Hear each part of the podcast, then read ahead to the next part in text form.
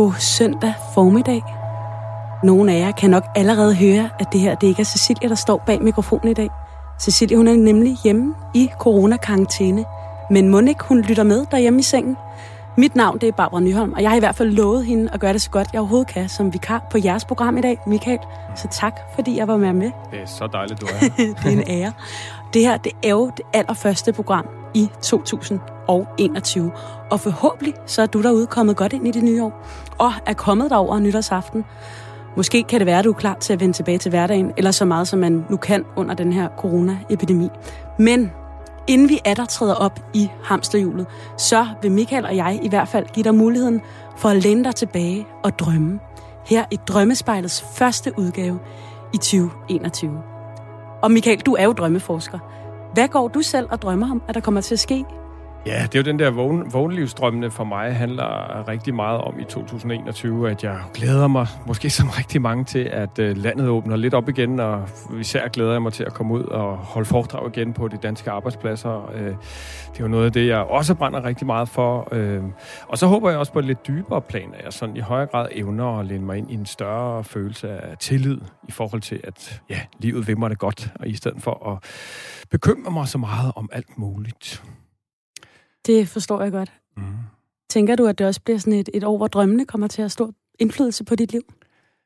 Som altid, øh, helt klart, det vil, jeg, det vil jeg bestemt forvente, at de kommer til. Øh, og det er jo, handler altid om, hvorvidt jeg evner at, at lytte til dem, og blive ved med at tune ind på dem og arbejde med dem, øh, så, så kommer de helt automatisk til at influere. Øh, for det er jo det der med, at det er først, når vi egentlig lytter og tuner ind og gør det lidt til en vane, så kommer det i hvert fald til at gøre en forskel. Ja, Altså, jeg håber virkelig det her med at kunne komme til at kramme mine venner igen. Mm. Ja, det tror jeg, der er mange af os, der gør. Og så drømmer jeg faktisk også lidt om at blive bedre til at nyde det, der er. Det er jo meget normalt, at man laver de her nytårsforsætter, når man starter det nye år. Øhm, og for 10 år siden, der havde jeg et nytårsforsæt, der hed mere struktur og nærvær. Ja. Og sjovt nok, så er jeg faktisk... Øh, jeg, jeg tager det ligesom op til, til revurdering hvert år, fordi at jeg har ikke så meget brug for nye forsætter. Jeg har bare brug for at følge det her stadig, føler jeg. Og strukturen den er der ved at komme nogenlunde styr på. Men det her med nærvær, det synes jeg altså stadig er så spændende, fordi det jo på en eller anden måde taler ind i så mange ting. Og det er i hvert fald noget af det, jeg vil, gerne vil blive endnu bedre ja. til i år. Være nærværende lige der, hvor jeg er. Ja. Mm. Og nyde det, vi har, som jo også er en dejlig ting. Men altså med et nyt år, så er der jo tit mange ting, man gerne vil forandre og gøre bedre. Men for dig, Michael, så er det jo også drømmene her, altså de her drømme, vi har om, om alt det her, der kan blive bedre og mere og vigtigere og federe. Altså, du ser jo også de konkrete drømme, vi har om natten, som et sted, hvor vi kan søge hjælp i forhold til det at blive lykkeligere. Helt sikkert, helt mm. sikkert. Og så skal vi selvfølgelig snakke lidt om, hvad lykke egentlig er, øh, fordi det er jo selvfølgelig en del af sådan en snak. Men ja, det hænger kan, lidt sammen med drømmen, ikke? Jo, mm. øh, og vi kan bruge drømmene øh, rigtig meget til at, at, at komme et sted hen, hvor vi for mig at se i hvert fald sådan i længere tid og gange oplever at have en følelse af sådan grundlæggende glæde ved livet, og måske endda flere små lykkestunder. Ja, og vi skal snakke rigtig meget mere om lykke, men det vi jo også skal, det er, at vi skal, eller du skal tolke nogle af jeres drømme derude og svare på spørgsmål i vores brevkasse, Drømmekassen. Ja, så tak, fordi I lytter med. Den næste time bliver super spændende. Velkommen til. Du lytter til Drømmespejlet på Radio 4 med Cecilie Sønderstrup og Michael Rode. Og som jeg nævnte tidligere, så er det altså ikke Cecilie, der er i studiet i dag, men det er mig, Barbara Nyholm, der vikarierer på grund af coronakarantæne. Men ved min side har jeg jo, som altid, i hvert fald det her program, så er det ja. dig, Michael, som er drømmeekspert og drømmetolker. Det betyder, at du hjælper folk med at finde ud af, hvad deres drømme prøver at kommunikere til dem. Og det er faktisk det, vi skal til nu. Vi har fået en drøm fra Katja på 28, som kommer fra Esbjerg. Og i den her drøm, der er der ligesom fire hovedscener, som jeg vil læse op her, ja. og som vi så skal snakke lidt om bagefter. Ja. Ja. Og den første scene, der sker der altså følgende. Og det er altså øh, Katja Strøm, vi læser op her, så det er ligesom hendes perspektiv, vi ja. følger. I åbningsscenen sidder jeg hos min svigerindes venner, og min svigerinde er der også. Jeg leger med en af vennernes børn, og får af min svigerinde at vide, at jeg er for inaktiv i lejen. Min egen overvejelse er, at jeg hellere vil lade barnet tage teten og lege på dets præmisser. Men da jeg ikke har nogen børn, og min svigerinde har mere erfaring med børn, så bliver jeg usikker på mig selv. Møblerne i huset er gamle og støvede, og for mig upraktiske med børn. I næste scene befinder jeg mig i køkkenet, og huset bliver pludselig til min bedstefars hus. Han er på vej ud at handle. Han skal ind til byen alene. Han regner med, at der er nogle drenge, hvis nok mine fædre derinde, som kan køre ham hjem igen. Jeg spørger ham, om han ikke kan købe noget med til mor. Han svarer, at det må hun selv klare. Pludselig kommer min moster og onkel ud i køkkenet, og jeg har ikke lyst til at tale med dem. I drømmen er lige der også toget, og jeg kan næsten ikke se dem. Så kommer mine tre kusiner ud i køkkenet og overfalder mig med kys og kram. Jeg føler mig næsten kvalt. De to af dem er gravide, som de også er i virkeligheden. De taler om, hvordan de tager venindebilleder med deres maver og virkelig deler deres graviditet. Så skifter drømmen igen. I tredje scene sidder jeg inde i stuen ved et fødselsdagsbord. Det er min fødselsdag. Jeg modtager store gaver og et flot kort fra en af mine kusiner. Hun fortæller, at hun ikke selv har lavet kortet, men købte af en veninde, som har lavet det, for hun vidste, at hvis hun selv havde lavet det, så ville hun bare være meget undskyldende over for, hvordan det var blevet. Der gik lidt tid, før jeg fandt ud af, at der stod den samme sætning igen og igen. Vist nok Happy Birthday. Men det var ret svært at tyde. Kusinen havde også tilbudt at læse det op for mig, men jeg havde ikke lyst til at sige, at jeg ikke kunne læse det. Også fordi hun var i så højt et gear endnu, men også fordi jeg synes, at jeg kunne læse nogle søde, flatterende ord, og var flov, flov over, at jeg havde fået en så stor gave og så flot et kort af hende, for så tætte var vi slet ikke. Og nu kommer vi til den fjerde og sidste scene her i drømmen. Kort tid efter kommer jeg i drømmen til skub til den ene af mine gravide kusiner. Hun sagde, at nu døde hendes baby. Og jeg tænkte, at så hurtigt kunne en spontant abort da ikke ske. Og at jeg kunne have bumpet ind i hendes stol. Men hun trak kjolen op og kiggede mellem hendes ben, og der var blod overalt. Hun lagde sig ned på ryggen med benene i vejret, for at holde blod og baby inde. Og jeg tænkte, at nu havde jeg ødelagt det, som hende og hendes søster havde sammen med at være gravide på samme tid og få børn på samme tid. Blodet stoppede lidt tid efter, og jeg anede ikke, hvad der skete eller ikke skete. Og jeg vågnede.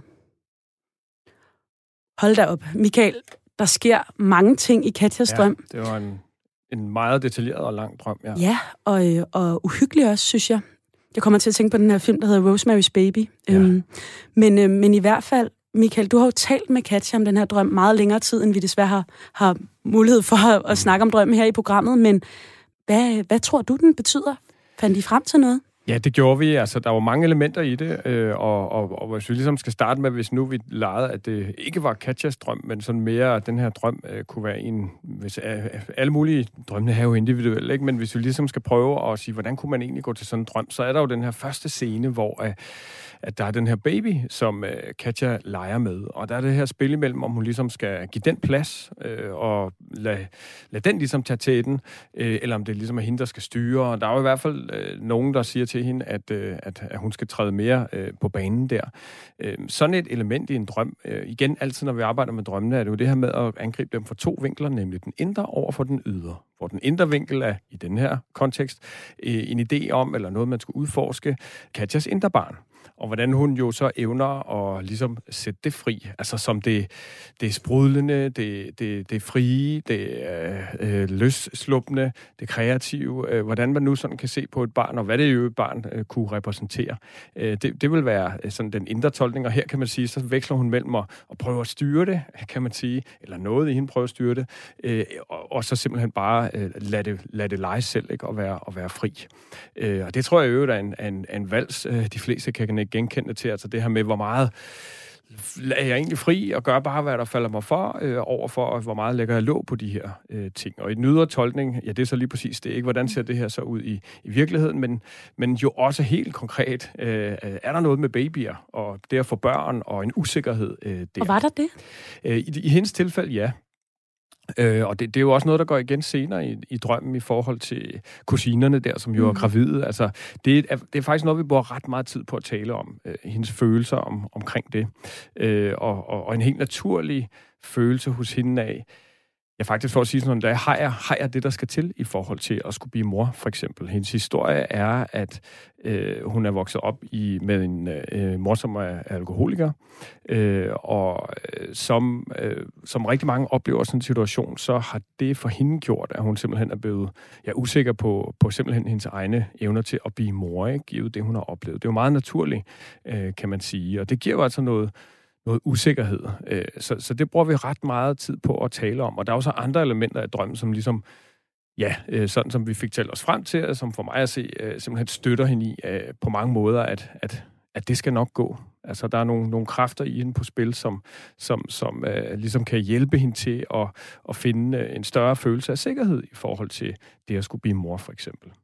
Det her med at inddele drømmen i scener, er det, er det også noget, du gør for ligesom at skabe overblik over nogle forskellige livsfaser, eller, eller er der en særlig grund til, at det er nemmere at, at gå ind i den? Altså lige, øh, det giver ofte mening, hvis der er de her meget klart adskilte scener, så, så kan det give mening at tage dem en af gangen. Lidt som vi gør her. Lige præcis i Katjas tilfælde er virkeligheden jo faktisk, at hendes drøm var længere og mere detaljeret, og vi har simpelthen været nødt til at, at ligesom skære, skære den ned til nogle meget centrale scener, hvor Katja så selvfølgelig har været inde over og godkende og sige, nu, nu tager vi de her fire hovedelementer af, af den her drøm. Men, men ja, jeg, jeg synes, det, hvis, der er, hvis der er de her klare adskilte scener i en drøm, så kan det give mening at tage dem en af gangen. Men selvfølgelig se drømmen i sin helhed som et udtryk for noget.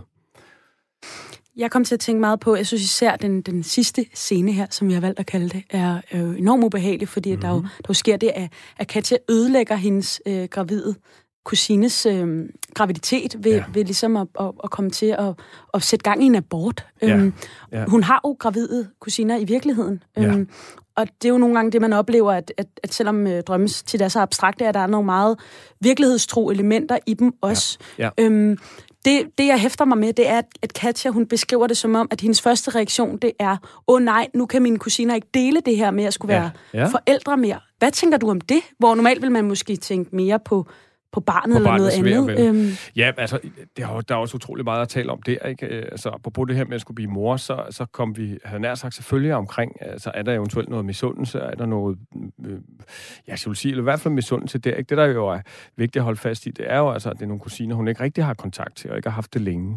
Øh, men det sagt, så øh, talte vi bestemt også om mulig øh, misundelse i den henseende, at det der, det har de jo vidderligt sammen, ikke? Øh, men jo altså endnu mere for hende den større bekymring omkring, om, om, om, om hvornår det så skulle blive aktuelt for hende, om det så i øvrigt fald, øh, i givet fald jo kommer til at gå godt. Øh, men, men der var flere ting i den, ikke? Fordi øh, det, det, som vi faktisk landede på, var igen det her med det indre og det ydre, mm. øh, øh, var mere noget, der hos hende handlede om, altså selvfølgelig ud fra den ydre tolkning, kan man sige, gør hun noget, siger hun noget, i forhold til de her kusiner, som ligesom øh, reelt ødelægger det for dem, han er sagt, ikke? Altså sådan nedgør eller problematiserer måske hendes egne tanker, eller i det ydre. Igen, nu taler vi sådan generelt om sådan en drøm, og når sådan noget sker, ikke? Øh, det vil være den ydre øh, undersøgelse af sådan en drøm.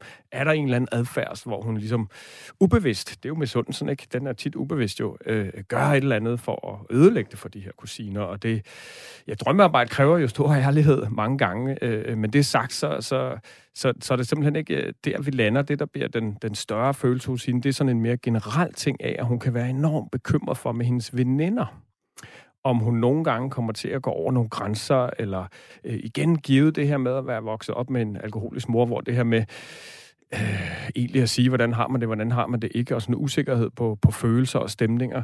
At der kan hun være enormt usikker på, hvor, hvor åben kan hun for eksempel være med hendes veninder. Ikke? Øh, og, og der får hun altså øje på, at hun har sådan en overdreven frygt for, at hvis hun træder bare lidt ved siden af, så bliver det helt ødelagt. Altså lidt det her med, at så, så, så falder babyen ud, ikke? Øh, mm. hvor hun så måske i virkeligheden kan, kan sådan så joke lidt med det, eller tage det lidt på afstand, men indeni så er hun jo sådan dybt bekymret øh, for, øh, kan jeg egentlig gøre det her, eller kan jeg ikke? Øh, og for hende, der, der bliver det, den scene kommer til at handle om, om, om, om det. Øh, men igen, der står jo fire scener af den her drøm, og, og, og den, den scene, som for hende står tilbage som værende vanvittigt central, i forhold til, hvordan arbejder med det her. Det er sådan lidt to ting. Øh, det er den her scene med bedstefaren. Ja. Øh, bedstefaren, han, øh, for, altså igen, øh, indre ydre tolkning. Øh, hvad, hvad, vi har jo talt om, hvad Og hendes... er det øh, hendes alkoholiserede mors far her, bedstefaren? Øh, ja, det ja. er det, ja. Og, og, og det som, øh, man kan sige, det, igen den indre ydre tolkning, ikke? altså det som bliver meget øh, stedet at starte er jo sådan tanker og associationer i forhold til øh, Katjas bedstefar. Hvad, hvad kommer du til at tænke på med ham? Og hun tænker så, at det at komme hjem til ham øh, har altid været en rar og en god ting. Øh, hun forbinder det virkelig med noget rart.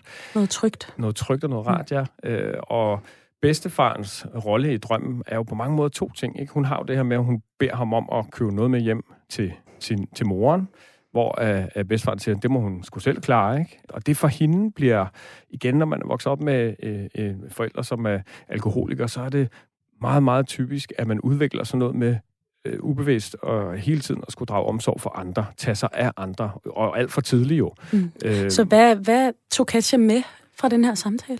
Jamen, hun tog især to ting med, vil jeg sige. Hun mm. tog det her med, at den her bedstefar, øh, ganske kort, så, så har det også noget med, at han er på vej ind i byen jo, øh, og, og der er så nogle, nogle drenge derinde, som, som de skal nok få ham hjem, ikke? Altså, han er sådan, det skal jeg sgu nok klare. Jeg har ikke helt styr på, hvordan han kommer hjem, men jeg har en tillid til, at det skal nok gå. Og det bliver virkelig stærkt for hende, den her følelse af, at hun har sådan en indre bedstefar, hun kan tune ind på og bruge, og hun kan jo mærke med sig selv, og sådan er det jo med drømmene, ikke?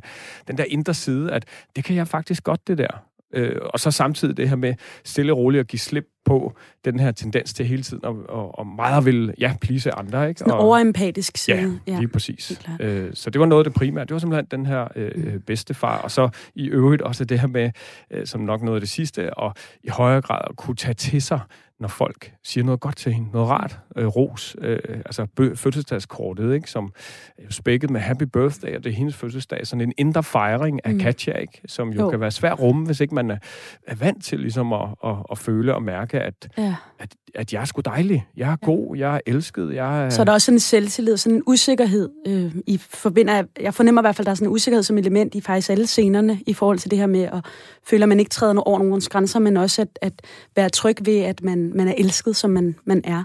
Øh, lige til sidst vil jeg bare høre moderskabet her. Kan det både forstås sådan meget konkret i forhold til selv at skulle blive mor i den alder, jeg har? Øh, ja. Nu er det jo dig, der har talt med hende. Ja, ja, ja. Øh, men er det også mere en, en sådan større ting i forhold til at, at give kærlighed? Hvad, hvad tænker du her? Øh, rigtig godt spørgsmål. Øh, øh, det kan det bestemt være. Ikke en vinkel, vi var omkring, men det kan det bestemt være. Altså i forhold til det her med øh, jamen, det indre moderskab, ikke? Og, og kunne, øh, kunne læne sig ind i den her store øh, kærlighedsfølelse, som, som man så også ja, kan, kan give videre. Ikke? Øh, så, så det er jo ikke... Altså det er, ja, både i forhold til en selv, men helt sikkert øh, formodentlig også i forhold til, til, til et barn og, og til, til andre i det hele taget. Uden det så igen jo er den her sådan... Og jeg må hellere sige noget ret til dig, ikke? Øh, mm. men, men ægte, øh, autentisk øh, kærlighed. Så du føler, Katja fik noget med fra... Bestemt. Ja. Bestemt. Dejligt. Og tusind tak til Katja for at dele den her drøm. Det er jo meget, meget personlige ting også, og jeg synes, det er meget stort og generøst at ville dele den med mm, os andre her i radioen. Hvis man ligesom Katja har lyst til at sende sin drøm, så kan man jo gøre det. Ind til jer her, Cecilia og dig, Michael Rude, ja. til spejlet snablag radio4.dk.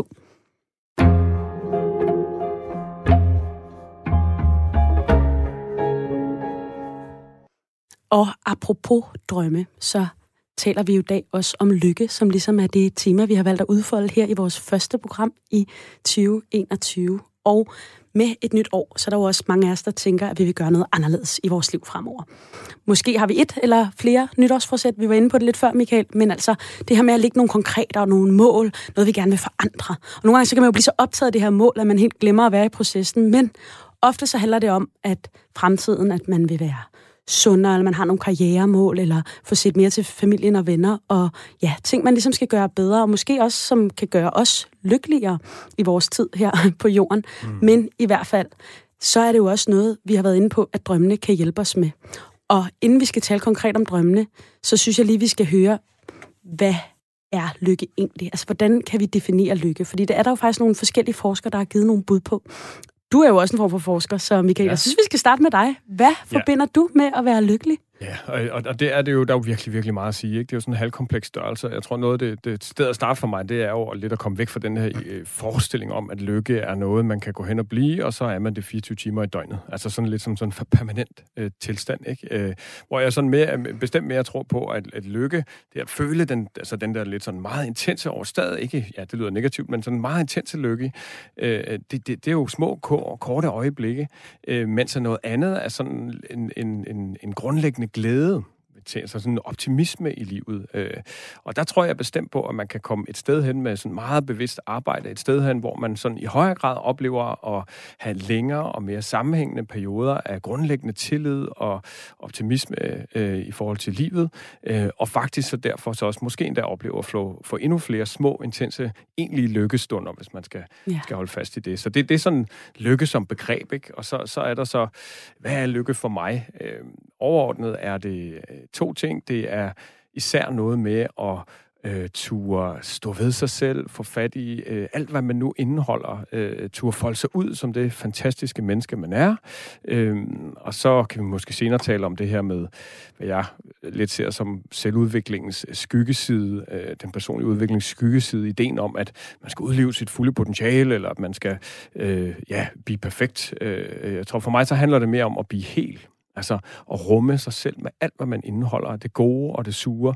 Øh, men jo altså også tit at få øje på det, som man ikke folder ud, som er noget objektivt set rigtig godt og stærkt en eller anden side, man har, som man af forskellige årsager måske ikke øh, folder ud. Så det, det er i hvert fald noget af det. Øh, og så er der simpelthen også noget med øh, ganske kort og i højere grad og øh, arbejde med sit følelsesliv, sine følelser, øh, hvor at rigtig mange af os, inklusiv mig selv, i store og lange dele af mit liv, det er først meget nyt for mig at begynde at arbejde med det, men er blevet bevidst om min meget bekymringsfulde tanker. Mm. Frygt, ja. angst. Øh, det er der sikkert rigtig mange, der kender til her ja. i corona. Ja, så det at kunne, kunne i højere grad læne sig ind i en sådan lidt større følelse af, ja for mig er det lidt spirituelt jo, øh, tillid til, at livet vil mig det godt. Ja. Øh, det, er, det er også forbundet med, med lykke, skråstreg glæde. Der er jo faktisk blevet forsket rigtig meget af det her. Jeg kan mm-hmm. fortælle lytterne derude, at her i 2020, så ligger vi altså rigtig stærkt i Danmark på en anden plads, ja. som det næst lykkeligste land. Og vi har over været op Hvem top. Et, så? Det er Finland. Nå, det er Finland, ja. ja. Vi, og det har også været, øh, coronakrisen har også påvirket det, det her lidt. Det har jeg i hvert fald øh, snakket med en uh, forsker om.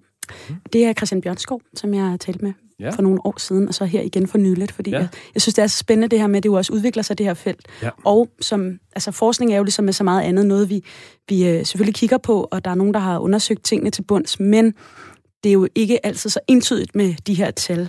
Men noget, jeg synes var rigtig spændende, som Christian Bjørnskov øh, fortalte mig, det var det her med, at øh, der er lavet sådan en stor australsk undersøgelse, der viser, at folk i gennemsnit er mindre lykkelige 3-4 år efter, de har fået et barn. Ja. Øh, at ens niveau af lykke simpelthen falder. Ja. Men det er også fordi, at den øh, form for forskning, som han øh, taler om, det er det her med langvarig og kortvarig lykke. Ja. Og... Øh, du nævner blandt andet de her gyldne øjeblikke, som også er det første, der kommer op i mit hoved. Ja. Øh, som jeg, når vi snakker om det på sådan en mere filosofisk plan med de her fantastiske øjeblikke, og det er jo det, børn også giver rigtig mange af, mm. tænker jeg, uden at have dem. Ja, øh, det kan så også men, give det øh, modsatte, Men sige. faktisk, så hvis man ser på det sådan øh, statistisk, så øh, er folk mindre lykkelige, når de har fået børn, og det er først, når de flytter hjemmefra, at niveauet af lykke begynder at stige igen.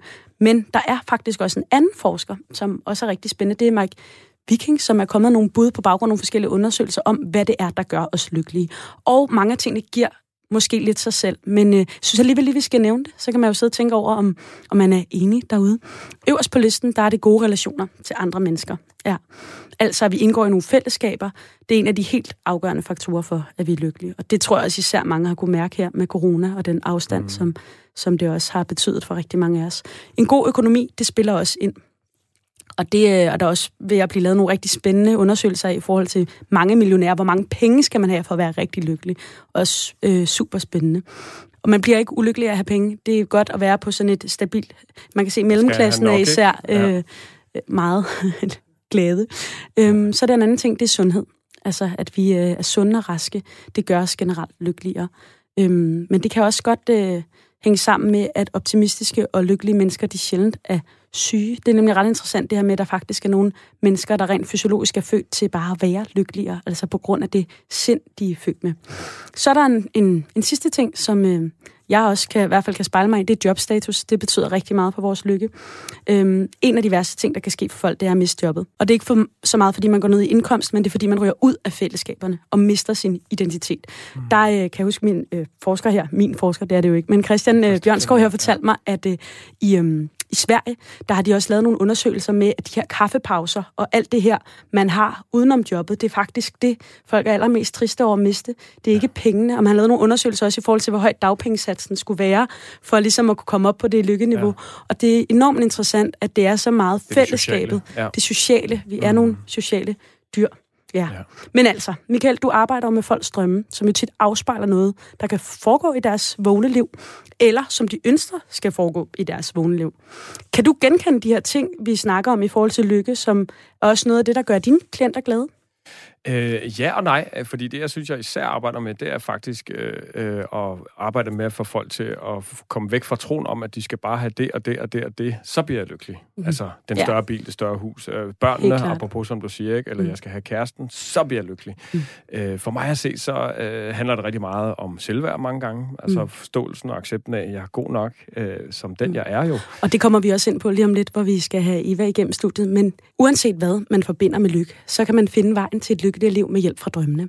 Hvordan man kan gøre det, det kan du høre mere om senere i programmet. Du lytter til Drømmespejlet på Radio 4 med Cecilie Sønderstrup og Michael Rode. Velkommen tilbage til Drømmespejlet, programmet, hvor vi tager jeres drømme under kærlig behandling og forsøger at finde ud af, hvad de prøver at fortælle jer. I dag der er det altså mig, Barbara Nyholm, som vikarierer for Cecilie, og som I hørte lige før, selvfølgelig ikke alene. Det er nemlig sammen med dig, drømmeforsker Michael Rode, der står her i studiet ved siden af mig. Men Michael, du er som sagt drømmeekspert og drømmeforsker arbejder med at analysere folks drømme. Og heldigvis så er det det, vi skal til nu. Vi har nemlig fået en lytter igennem. Og øh, Eva, du er fra Kolding, og du er 49 år. Kan du høre os herinde i studiet? Ja. Ej, hvor er det dejligt at høre. Velkommen til Drømmespejlet, og godt nytår. Tak i lige måde. Hvad hedder det? Michael og jeg, vi har jo talt om, hvordan vi håber, at øh, det nye år kommer til at blive. Er der noget, du håber særligt på kommer til at ske i det nye år? Jeg håber da på øh, en masse gode oplevelser og glæde og coronafrit øh, ja. tilværelse. Ja. Altså. ja, det kan jeg godt forstå. Det, det gør ja. jeg virkelig også. Men Eva, du har jo også en drøm med til os, som er super spændende. Har du lyst til at fortælle os, hvad det er for en drøm?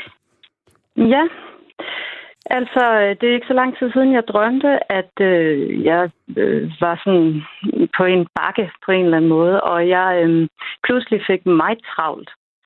Og øh, så øh, var der ikke andet for mig at gøre i drømmen, end at ride på et lam. Det var det eneste, jeg havde. Og det var sådan et, øh, et lille hvidt lam, og og så kan jeg huske, at jeg sad der og var, var bange for, at jeg kom til at mase det og kvæle det, fordi det var sådan lidt, lidt uroligt lam. Mm. Og så, øh, mens jeg er på vej der, så forvandler lammet sig til en øh, hvidlig kat. Og den er ret vild og vrider sig. Og øh, det ender så med, at jeg også er bange for at komme til at kvæle den og mase den. Og så vågner jeg. Ja. Og Eva, du og jeg har jo så kort lige, øh, som vi altid gør her med udsendelsen, lige talt på telefon øh, inden for at jeg bare sikrer sig, at alle er trygge ved, at, at du er med og så videre, der ikke er nogen spørgsmål. Øh, men jeg ved, du øh, både øh, sådan, ja, at selv har gjort dig lidt nogle tanker omkring drømmen. Det var i hvert fald noget med, at du vågnede op med den, og så havde du sådan en, en følelse af, hvad den, hvad den måske handlede om. Kan du sætte et par ord på det? Ja, jeg havde en følelse af, at det havde noget at gøre med mit børnekor, fordi mm. jeg lige øh, dagen for inden havde lavet en koncert med mit børnekor, øh, hvor jeg også havde været lidt i sådan et eventyrunivers, fordi jeg havde holdt nogle bamser op i luften og fortalt en historie med de der bamser. Ja. Øh, der var godt nok ikke noget lam og nogen kat med i Nej. historien, men, øh, men, øh, men jeg var, var lidt i det måske. der univers. Ja. ja. ja. Ja, jeg var lidt i det der øh, barnlige univers derinde der, så... Og så, og så vågner du med en følelse af, at den her drøm, den handler simpelthen om det her på en eller anden måde. Ja, altså jeg er bange for, at, øh, altså, at i drømmen er jeg kommet til at, om, at mase de her dyr og kvæle dem, ikke ved at holde dem om halsen og sådan noget. Og så ja. tænker jeg nogle gange, at når jeg er leder for børn, at så er det et ret stort ansvar og jeg kan være bange for ligesom at komme til at, at kvæle noget uskyld, eller kvæle de der barnlige, livlige øh, sider, som, som er i børn. Ikke? Fordi jo. at man har travlt med et eller andet, man skal nå. Eller... Ja. Hvordan, øh, hvordan kan det egentlig se ud, når du gør det, når du føler, at du måske kunne gøre det i virkeligheden? Hvad er det så, du siger og gør? Bare sådan for at få et billede af, hvordan det kan se ud. Jamen, det kan jo være ved at være meget styrende, ved at have travlt, og nu skal vi nå så så mange sange, og altså ved at simpelthen bare øh, køre min egen dagsorden, måske i stedet for lige at, at stoppe lidt op og, og inddrage børnene lidt mere i det, altså. Ja. Det, det, det er sådan, jeg, jeg tænker lidt. Ja, altså, ja. Nu er det, gået, det er gået rigtig godt, vil jeg sige, med det her børnekor ja. i, i en lang periode. Og jeg har nogle gange tænkt, når jeg kom ind til dem, at de bare var så tillidsfulde og åbne for alt, hvad jeg kom med. Og hvor jeg sådan har, jeg har nærmest følt det som et sådan kæmpe ansvar, fordi ja. at de var så tillidsfulde. Altså. Ja, det er det jo også øh, et eller andet sted, det kan jeg sagtens sætte mig ja. Ja. Ja, øh, øh så, og, så, ja, så du har jo, kan man sige, gjort dig dine egne tanker og har en fornemmelse, og det, det, som du jo her sætter ord på, det er jo i forhold til sådan en drøm, det som jeg vil kalde den, den ydre tolkning af drømmen, ikke? Altså, at, at, at det her lam og den her kat øh, lige der bliver øh, et billede på, hvad kan man sige, din egen adfærd i situationen, som du står der med, med koret og, og dirigerer og, og så videre. Øh, og, og det giver jo utrolig god mening. Øh, man kan sige, en anden vinkel på sådan en drøm er jo den indre, øh, som jo øh, kan handle om, hvordan øh, lammet og katten øh, i højere grad, eller måske på samme tid netop, øh, jo også øh, kan være billeder på noget i, i dig selv. Øhm, og, og der ved jeg, øh, altså det som du sendte ind til os her, var jo faktisk hele to øh, drømme.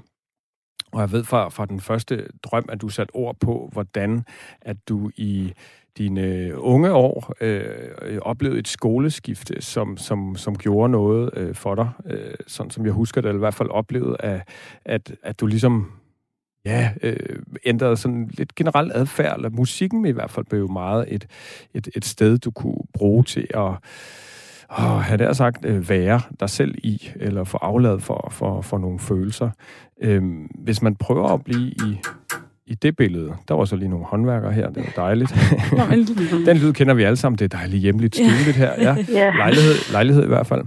øhm, kom den igen. Ja. Det virker øh, helt sådan øh, spirituelt. Ja. kom ovenpå. Ja, kom, kom videre, Michael. Måske. Godt, ja. godt, du stadig er med os. Ja. ja.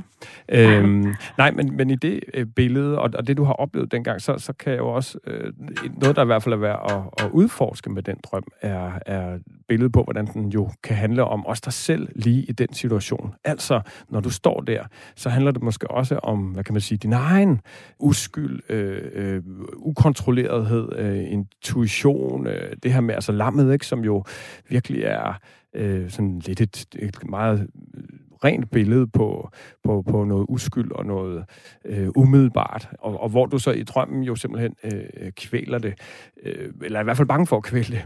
Øh, hvis, hvis nu man tænker, at sådan en drøm øh, måske kunne relateres også til, til det her jo for dig meget afgørende tidspunkt i dit liv, hvor du måske har Øh, Øh, ja, det var i hvert fald min, en, en tanke. Ikke? Øh, måske har, har simpelthen lagt låg øh, på, på en side af dig selv.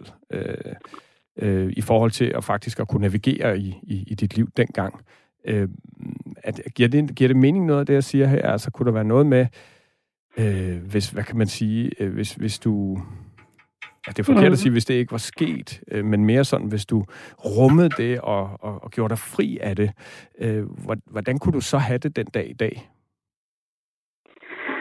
Oh.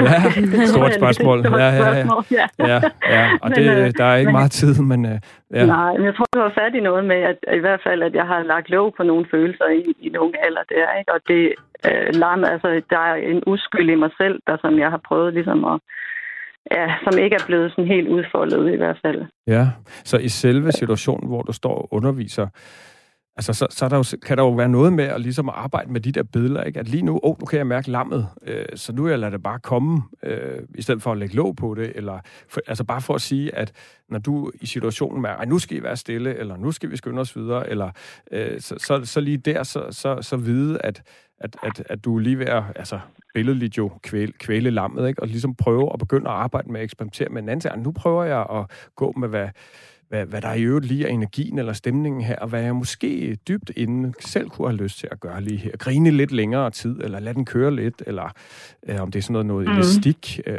en større frigjorthed, øh, eller hvad sådan det må være. Ja, men, men det giver da god mening. Jeg tænker også sådan katten i drømmen, at den ja. er jo også et billede på det der mere øh, lejesyge noget. Ikke? Ja. Altså sådan ja. lidt mere uh, uafhængig, og ja. en, en kat kan sige fra, og den kan også sige til, yes. og den er legesyg, og, sådan, og den kan godt bide fra sig, så den er sådan lidt... Øh, den meget selvstændig. Lidt en anden, ja, nemlig. Ja. Og altså, den, den, der kan man jo også hente noget i den, ikke? med, med noget leg i hvert fald også. Og noget vildskab. Det, det er jo det, du Ja. selv sætter ord på i forbindelse med drøm, ikke? at den bliver vild. Og det er jo også, altså, Ja. hvor kan du blive mere vild? Det er sådan, ja, det er igen det der med, at man skal sgu helst ikke gå rundt og slå sig selv i hovedet med, ej, jeg skal være mere vild, vel? Men det er mere den der, altså måske faktisk at bruge lammet til at udvikle mere vildskab og omvendt. Altså øh, to stærke billeder på, på kræfter i dig selv, som ligesom øh, danser frem og tilbage, ikke? hvor øh, at, at øh, ja, det fuldendte billede vil jo, vil jo på en eller anden måde være, at, at kat og lam øh, går hånd i hånd, og Eva, hun kommer derhen, hvor hun skal hen, agtig. Øh, så, så er det altså sådan en indre dans øh, med de her to sider, som, som du... Ja, det kunne være drømmens billede, ikke? Simpelthen tøjler øh, mere, end, mere end godt er, ikke? Hvad tænker du om det, Eva? Øh, jamen, jeg tænker, at det, er- altså, det er et billede på, at jeg er i gang med sådan en, en udvikling hen imod et eller andet, som jeg ikke helt ved, hvad er selvfølgelig, men, men at, øh, at, at det måske kunne ende med om nogle år, at jeg kunne øh, drømme om at, at have en løve, jeg er red på, i stedet Ja. for, som var et stærkt dyr. Altså, det, det kunne jo være, En større jeg ligesom fik- kattedyr. Ja. Men Eva, jeg kom jeg til... ligesom fik- ja. Og jeg undskyld, Ja. jeg afbryder, men jeg kom Nej, bare til at tænke på okay. det her med, hvordan, øhm, da du havde den her drøm, hvordan du egentlig øh, havde du, da du så vågner? Altså, om det var noget, der skræmte dig lidt? Øh, det synes jeg bare er meget, meget spændende, også siden du har skrevet ind her. Altså, øhm, altså hvad, hvad, hvad var det for nogle følelser, det satte gang i hos dig, da du fik den her drøm? Altså, det var, det var ikke noget, der skræmte mig, men Nej. jeg havde bare en, en klar følelse af, at det var et vigtigt billede på et eller andet, øh, som, som jeg er udsat for, når jeg arbejder med børn, ikke? Altså, og Ja. ja. som også øh, berører netop min, min egen udvikling med, med barnet i mig selv. Altså med, hvordan, hvordan jeg giver plads til barnet i mig selv. Mm. Så, så når nu de står der, øh, børnene, som vi jo ikke talt om, hvor gamle de er, men når nu de står der og siger og gør ting, hvor de så sådan der grinende, sjove, øh, frie. Ikke jeg siger, at du ikke kan være det, Eva, men, men, øh, men, men at, at, at, at, så kan der jo simpelthen være noget i, som er også lidt det, du siger nu, ikke? Og, og lade dig inspirere af det, ikke? Altså umiddelbarheden og det sjove, og øh, hvis, hvis det er det, øh, som, som lammet her kan være øh, et billede på. Ja, men helt sikkert, ja. Og det, jeg tror heller ikke, det er tilfældigt, at jeg arbejder med børn, fordi at jeg godt kan Nej. lide at være i, i det her øh, altså univers, hvor jeg bliver mindet om, om min egen barndom simpelthen. Og dit eget, øh, ja, øh, vil jeg jo også sige, øh, ja, indre barn, ikke? Øh, Fri, frigjortheden, det, det er umiddelbart, spontane, øh, alt det, som der måske øh, øh, på, øh, på, en, på en eller anden måde blev lagt, øh, ikke fuldstændig låg på, men, men sådan i hvert fald blev hæmmet på en eller anden måde på et tidspunkt i dit Ja, liv. Så, ja. så jeg kan virkelig godt følge dig, at, at arbejde med børn lige der kan være... Øh, jeg kan jo se det sådan i forhold til mine egne børn lige nu på 4-7 år, øh, og måske især min datter øh, Isabel, som er på mange måder sådan meget... Ja, jeg tror på mange måder, hun var som, som jeg var, da jeg var barn, ikke? Øh, så det der med at, at mærke den der frigjorthed og umiddelbarhed, og ja, arbejde med, med det i forhold til dig selv, øh, det, det giver utrolig god mening. Men altså, nu, jeg, nu skal jeg, jeg ved ikke, om jeg må spørge om sådan noget lige nu, men øh, jeg tænker på øh, lam som symbol. Altså, Ja. kan, kan et lam egentlig ikke også være et religiøst symbol Det kan det bestemt. Jo, det kan det bestemt. Øh, og, og faktisk øh, i, i det billede, så, så er der mange, der for eksempel taler om, at lammet øh, simpelthen kan være det gode, man bruger til at bekæmpe det onde med.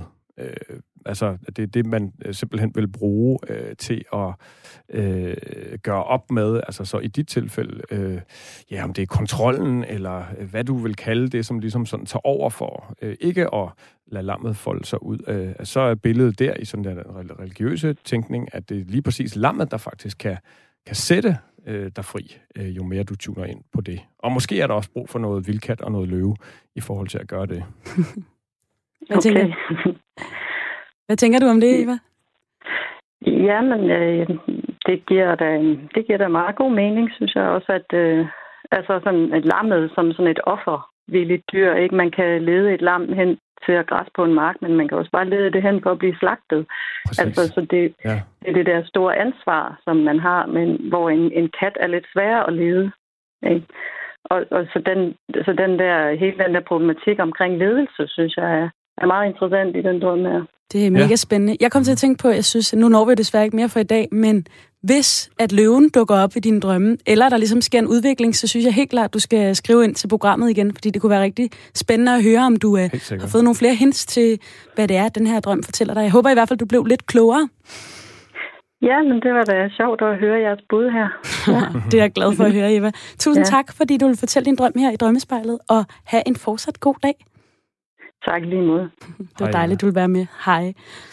Og hvis du derude gerne vil blive klogere på en af dine drømme, så husk, at du altid kan sende mail til spejlet snablagradio4.dk med en beskrivelse af din drøm, og måske også lige nogle ord om dig selv. Så kan det være, at vi tolker den her i programmet.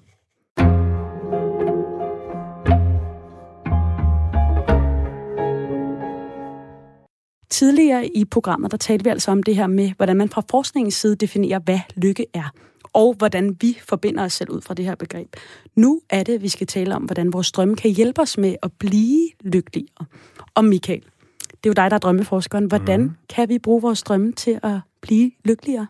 Jamen, det kan vi tilbage til nogle af de ting, vi taler om indledningsvis, hvad lykke egentlig er. Øh, for eksempel det her med i højere grad at øh, rumme os selv, øh, være hele, Øh, og, og det er simpelthen, hvad kan man sige, hovedtanken i øh, Carl Gustav Jungs, øh, som jo svejske psykoanalytiker og, og står jo inden for drømmeverdenen. Hans mm. hovedtanke og idé om det her, som han kaldte individuation, øh, som simpelthen handler om den stadige rejse hen imod at, at, at, at blive hele. Altså, Individuation, siger, er det kommer det af individualister, eller hvordan, ja, hvordan vil det er du... nemlig der, hvor det kan komme ja. til at lyde som om, øh, nu skal jeg sætte ned med, og så lige meget med alle de andre, ikke? Men hvor tanken egentlig er, at det handler ikke om at blive perfekt, det handler om at blive hel, og det handler i øvrigt om, altså er tanken hos ham, at den bedste måde at arbejde med de her ting på, det er faktisk i, i relation til andre mennesker. Øh, altså netop i dynamikken med øh, samtaler med og øh, interaktion med andre mennesker, at, at vi så kan arbejde med, med, med de her ting.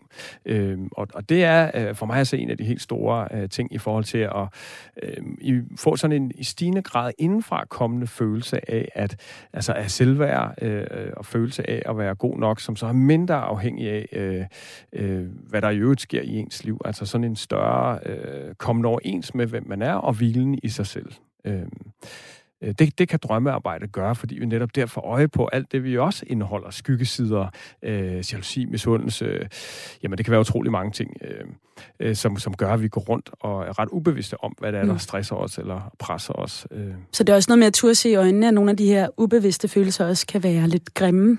Ja, øh, øh, helt altså objektivt set øh, grimme ja, og pinlige, og noget vi ikke vil være ved, og så videre.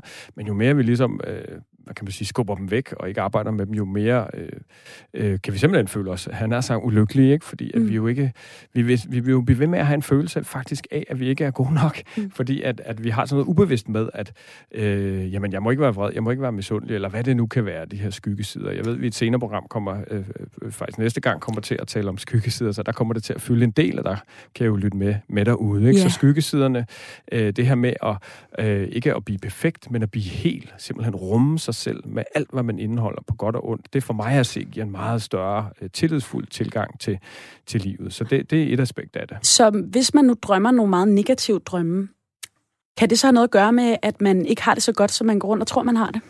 Ja, både og. Det kommer jo virkelig an på, hvad det er, man faktisk drømmer mm. om, ikke? Øh, øh, fordi at, øh, lige så vel kan de her meget negative drømme om for eksempel at være forfulgt, eller øh, nogle konflikter, eller hvad sådan det er. Det kan være billeder på, på indre konflikter, det kan også være billeder på, øh, igen, nogle af de her ting, vi talte om tidligere, en ubevidst øh, frygt og øh, angst, som styrer mange af os øh, i, dagligdagen, bekymringer om alt muligt.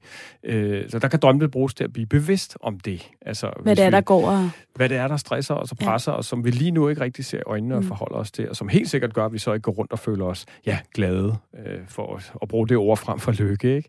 Øh, og, og i forhold til, jeg vil egentlig også lige huske at sige med, med det, vi snakker om lige før, at altså, skyggesiderne i drømmene, de her ting, hvordan kommer det egentlig til udtryk? Jamen, det er jo de, det er jo de mennesker, personer, dyr osv., apropos Evas drøm lige før. Men der har jeg også lige et spørgsmål, fordi ja? at du, øh, jeg har øh, bemærket, at du flere gange nævner det her med den indre tolkning. Ja. Øhm, jeg har også øh, lært det her med, at man, hvis man øh, tror på drømmetidning, altså ja. ligesom går ind i det øh, med et åbent sind, så handler det meget om at se alle elementerne i drømmen, alle de personer og dyr og ting, der dukker op som en, en side af en selv, ja. som vil fortælle en noget. Øhm, ja.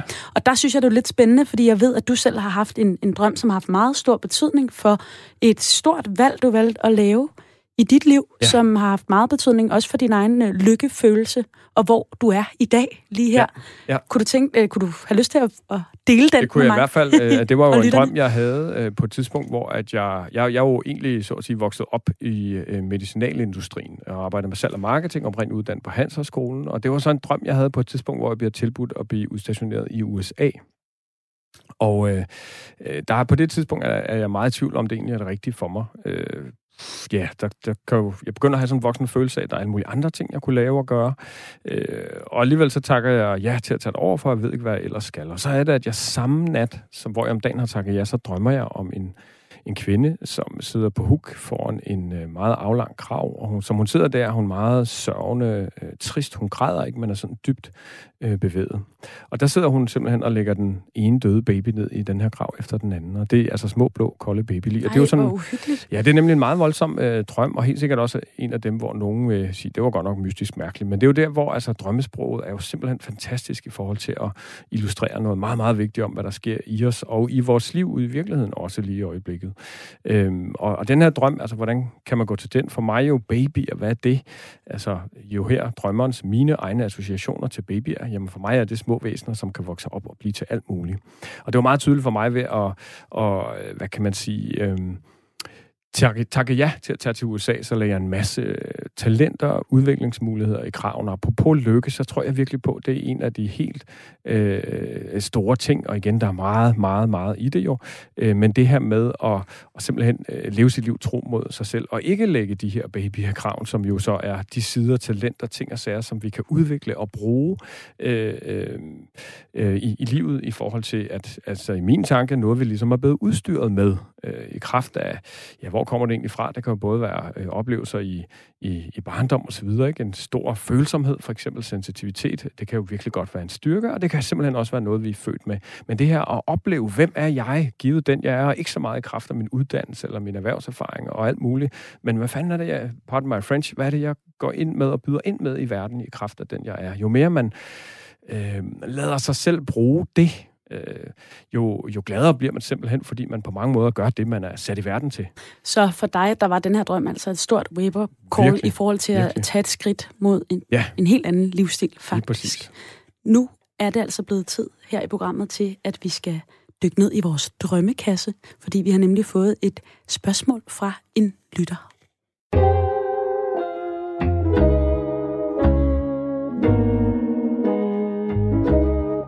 Ja, og vi er altså ved at dykke ned i drømmekassen nu.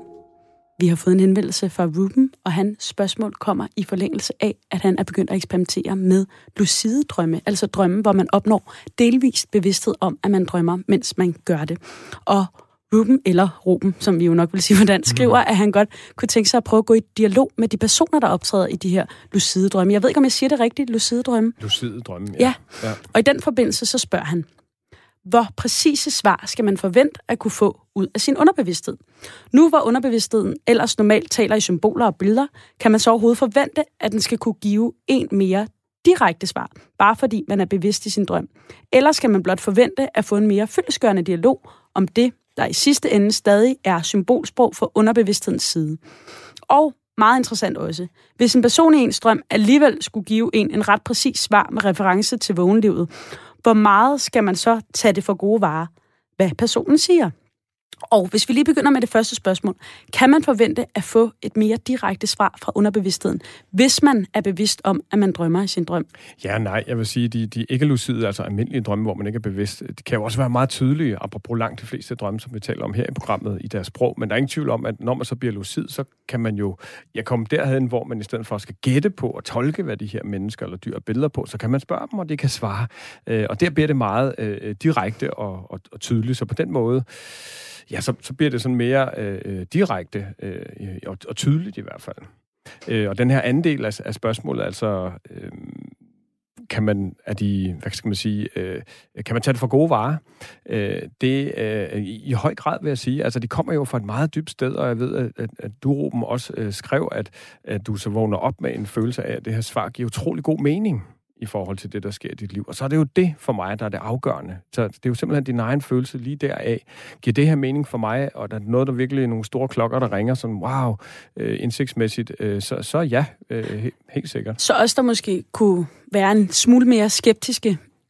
Vi skal måske også øh, tillade os selv at gå hen et sted, hvor vi, øh, hvor vi giver selv lov til at lade det gå op i en højere enhed, hvis det giver mening. Skal man arbejde lidt med sin egen øh, tilgang til drømmene måske? Øh, ja, man skal i hvert fald arbejde med, at, at de, altså, de, kommer, de vil os det godt. De kommer fra et meget, meget dybt sted. Øh, når, jeg vil jo sige, det, det er simpelthen sjælen, der taler til os. Ikke? Altså, mm. har vi det godt, og er vi det rigtige sted? Gør vi det rigtige ting? Altså, det der for os er rigtigt i vores liv, eller gør vi ikke? Øh, så det giver utrolig god mening at, at lytte til. Og tage for gode varer i øvrigt. Så vil du mene, at det er svar nok til Ruben? Vi kunne have en lang snak om det, men ja. i, i, i, umiddelbart ja. Så Ruben derude, du skal altså tage det for gode varer, hvad der bliver sagt i de her drømme. Det kan du roligt gøre, i, siger vores drømmeforsker Michael Rode i hvert fald. Men desværre, den her time, den flyver jo bare afsted, og vi når ikke rigtig mere i dag. Michael Rode, men det har været en kæmpe fornøjelse at få lov at være med på programmet. Måde, Barbara, og øhm, ja, Kære lyttere og drømmere, tak fordi I lyttede med til Drømmespejlet i dag. Jeg følte i hvert fald, at jeg blev klogere både på drømme, men også det her med lykkebegrebet. Det vi alle sammen går og higer efter. Måske findes det i vores drømme. Det vi skal kigge bedre efter til at blive lykkelige. Men hvis du har et generelt spørgsmål om drømme, eller har en konkret drøm, du gerne vil have tolket, så send en mail til spejlet radio4.dk så kan det være, at vi dykker ned i dit spørgsmål eller din drøm. Du kan som altid genhøre dagens udsendelse på radio4.dk via Radio 4's app, iTunes eller hvor du ellers henter din podcast. Din hverdag i dag var mig, Barbara Nyholm og Michael Rode. Drøm sødt, til vi lyttes ved igen.